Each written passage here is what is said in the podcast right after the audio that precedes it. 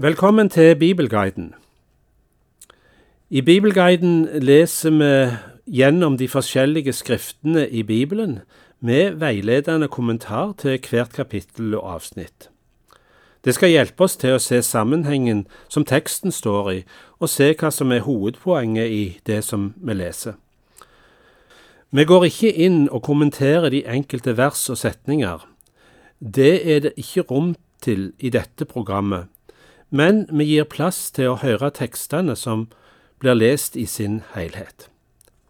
Underveis kan det komme opp mange spørsmål og problemstillinger som en skulle ønske å se nærmere på, men da vil vi bare henvise til bibelkommentarer for de enkelte bøkene. Det finnes mange av de både i bokform og på internett. Når vi kommer fram til kapittel 35 i profeten Jesaja bok, og det er en mektig profeti vi nå skal høre. Etter domsprofetiene i det siste kapittelet, med ødeleggelser og beskrivelser av øde landområder og nød, så kommer her en profeti om den kommende frelse og den herlighet som den bringer med seg. Bakgrunnen med krig, sykdom og ulykker og dom som vi har lest om hele veien så langt i Jesaja-boka, er med på å forsterke de herlige tilstander som profeten nå beskriver. Herren sjøl skal komme for å frelse sitt folk, og det er denne frelsen som fører til at ørkenen vil blomstre. Et tegn på hans komme til sitt folk er at blindes øyne skal åpnes og døve ører lukkes opp. Dette tegnet blir tatt opp og knytta til Jesus i Det nye testamentet. Vann skal bryte fram i ørkenen. Ja, Jesus sa om seg sjøl at han er livets vann.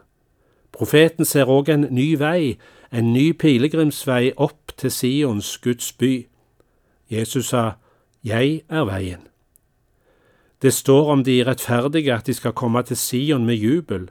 Fryd og glede griper de, sorg og sukk må fly, trengselstiden er forbi. Vi leser nå hele kapittel 35 hos profeten Jesaja. Frelsen kommer. Ørken og tørt land skal glede seg. Ødemarken skal juble og blomstre.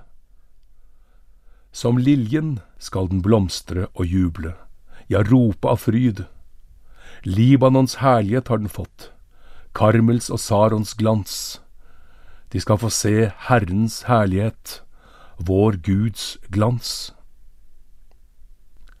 Styrk de slappe hender, gjør de ustø knærne sterke. Si til de urolige hjerter, vær sterke, ikke redde. Se deres Gud, han kommer med hevn, med gjengjeld fra Gud. Selv kommer han og frelser dere. Da skal blindes øyne åpnes, og de døves ører lukkes opp. Da skal den lamme springe som en hjort, og den stummes tunge skal juble for vann bryter fram i ørkenen og bekker i ødemarken. Glødende sand blir til innsjø, det tørre land til kilder med vann. Sjakalers boplass blir et hvilested hvor gresset gror mellom rør og siv, og der skal det være en vei. Den hellige vei skal den kalles. På den skal ingen uren ferdes, den skal være der for dem. Ingen som går på veien, selv ikke dårer, skal gå seg vill. Men der skal det ikke være noen løve. Rovdyr skal ikke gå på den. De skal ikke finnes mer. Men de som er løst ut, skal gå der. De som Herren har fridd ut, skal vende tilbake. De kommer til Sion med jubel, med evig glede om sin panne. Fryd og glede griper dem, sorg og sukk må flykte. For et framtidshåp vi har hørt om, for en trøst i motgang og trengsel. For Guds folk venter hvilen, freden og herligheten. I neste program starter vi på lesingen av det som kalles historieboken hos profeten Jesaja.